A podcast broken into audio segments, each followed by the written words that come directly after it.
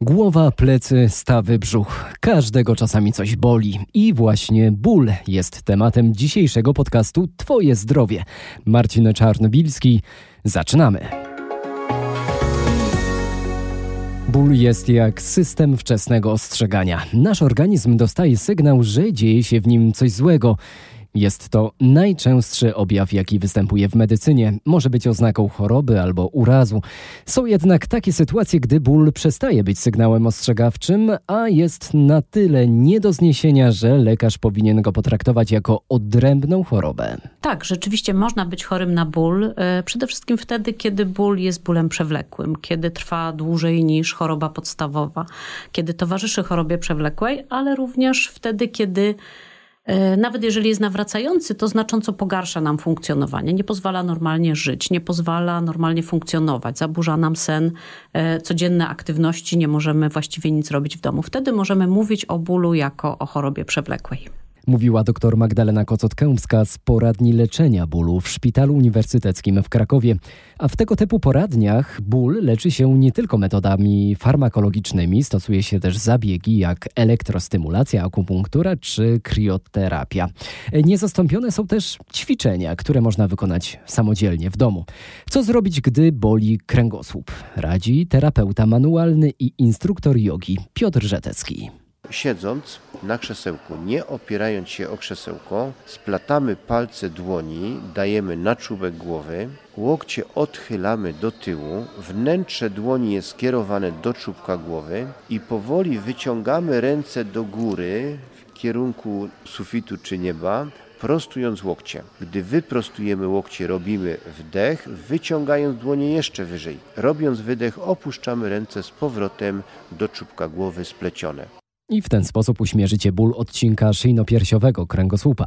E, inne ćwiczenia zobaczycie na filmach instruktażowych na portalu Twoje zdrowie rmf24.pl. Na koniec ciekawostka. Naukowcy udowodnili, że poziom bólu może zmniejszyć również śmiech. W trakcie jednego z eksperymentów osoby śmiejące się podczas oglądania filmu Monty Pythona były w stanie trzymać ręce w lodowatej wodzie dłużej niż ci, których komedia nie rozbawiła. A o pracy z pacjentami z poradni leczenia bólu dziennikarka RMFFM Katarzyna Staszko rozmawia z dr Magdaleną Kocot-Kępską, prezes Polskiego Towarzystwa Badania Bólu. Czy my przyznajemy się do tego, że coś nas boli, czy czy raczej to chowamy albo jest nam To jest wstyd. bardzo indywidualnie zmienne. Mm. Są osoby, które demonstrują swój, swój ból, mają taką bardzo wyrażoną ekspresję bólu, natomiast są osoby, które raczej chowają to uczucie głęboko w sobie, nie przyznają się do tego. Bardzo często to widzimy również wśród naszych pacjentów, bo na przykład pacjenci nie chcą się okazać um, zbyt kłopotliwi dla lekarza, nie chcą się przyznawać do bólu. Często uważają, że ból e, jest sygnałem, że na przykład leczenie nowotworu nie jest skuteczne. Stąd też to indywidualna ekspresja bólu jest bardzo różna. E, czy dobrze rozumiem, że, e, no bo wiadomo, bólu nie można bagatelizować, e, ale mam wrażenie, że przede wszystkim coraz więcej mówi się o tym, że osobie, która jest w bólu, powinno się pomóc, powinno się ulżyć, że to nie jest tak, że ten ból powinien być i że musimy się z nim pogodzić i do niego przyzwyczaić. Mam wrażenie, że to jest właśnie ta mhm. granica. Tak, rzeczywiście w, no, w ostatnich latach nasze podejście do leczenia bólu ostrego się zmieniło znacząco. Zawsze mówiliśmy, e, że, no, że ból na przykład towarzyszy chorobie, e, chorobie e, nowotworowej, czy ból towarzyszy zawsze po zabiegu operacyjnym i tak ma po prostu być. Nasze podejście się zmieniło o tyle, że wiemy, że im dłużej trwa taki ból ostry, na przykład związany z operacją, tym większe ryzyko przejścia tego bólu w ból przewlekły, czyli trwania bólu, nawet pomimo tego, że rana się wygoiła. Także nie bagatelizujemy w tej chwili żadnego epizodu bólu ostrego, zwłaszcza jeżeli to jest ból e, o, o, dużym nasileniu u pacjenta. E, nerwobóle to jest temat, który bardzo często pojawia tak. się i, i też jest bardzo często googlany, to na pewno. E, czym są nerwobóle, skąd się biorą i i, co z nimi robić? Gdzie się mhm. zgłosić, jak działać? E, nazwa nerwobóle właściwie odnosi się do bólu neuropatycznego, czyli takiego bólu, który wynika z uszkodzenia układu nerwowego. Rzeczywiście jest to ból bardzo taki e, trudny do leczenia. Nie mamy zbyt wielu możliwości farmakoterapii, nie mamy zbyt wielu możliwości blokad.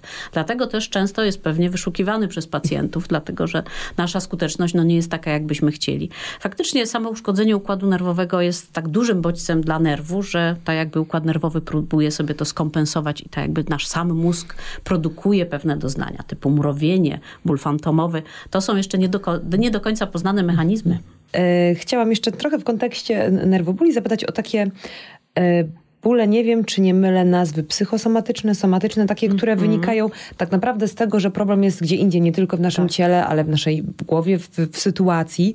E, jak często ma Pani do czynienia z takimi pacjentami, jak często się mm, zgłaszamy i jak ważne jest to, żeby mm -hmm porady, y, rozwiązania szukać na, na wielu płaszczyznach. Mhm. W tej chwili raczej nie używamy takiego określenia ból psychogenny. Bardziej się skłaniamy do takiego określenia ból funkcjonalny, dysfunkcyjny. Mhm. I to jest ból, który rzeczywiście powstaje typowo w naszym mózgu. E, nie ma żadnej patologii na przykład na obwodzie, nie ma patologii w stawie albo patologia jest minimalna, a dolegliwości bólowe są nieadekwatne do tej, do tej patologii. Wtedy mówimy właśnie o bólu takim funkcjonalnym. Są to e, dolegliwości bólowe które się bardzo trudno leczą, dlatego że po pierwsze nie znamy mechanizmu, leki, które stosujemy nie zawsze są skuteczne, a poza tym również nasza świadomość, również nas jako specjalistów medycyny bólu nie jest jeszcze e, aż tak duża i również te zespoły bólowe nie są często rozpoznawane właściwie. To jest poważny problem. To jest, e, pacjent z bólem dysfunkcyjnym powinien być typowo leczony w poradni leczenia bólu. To mhm. jest wtedy leczenie wielokierunkowe może przynieść dobry efekt. E, no, tylko takie podejście zalecamy. Czy problemy związane związane z bólem dotyczą głównie osób e, dorosłych, starszych, czy jednak e, dzieci i młodzieży? E, również dzieci i młodzieży także. Coraz częściej widzimy takie niewyjaśnione bóle głowy, bóle brzucha.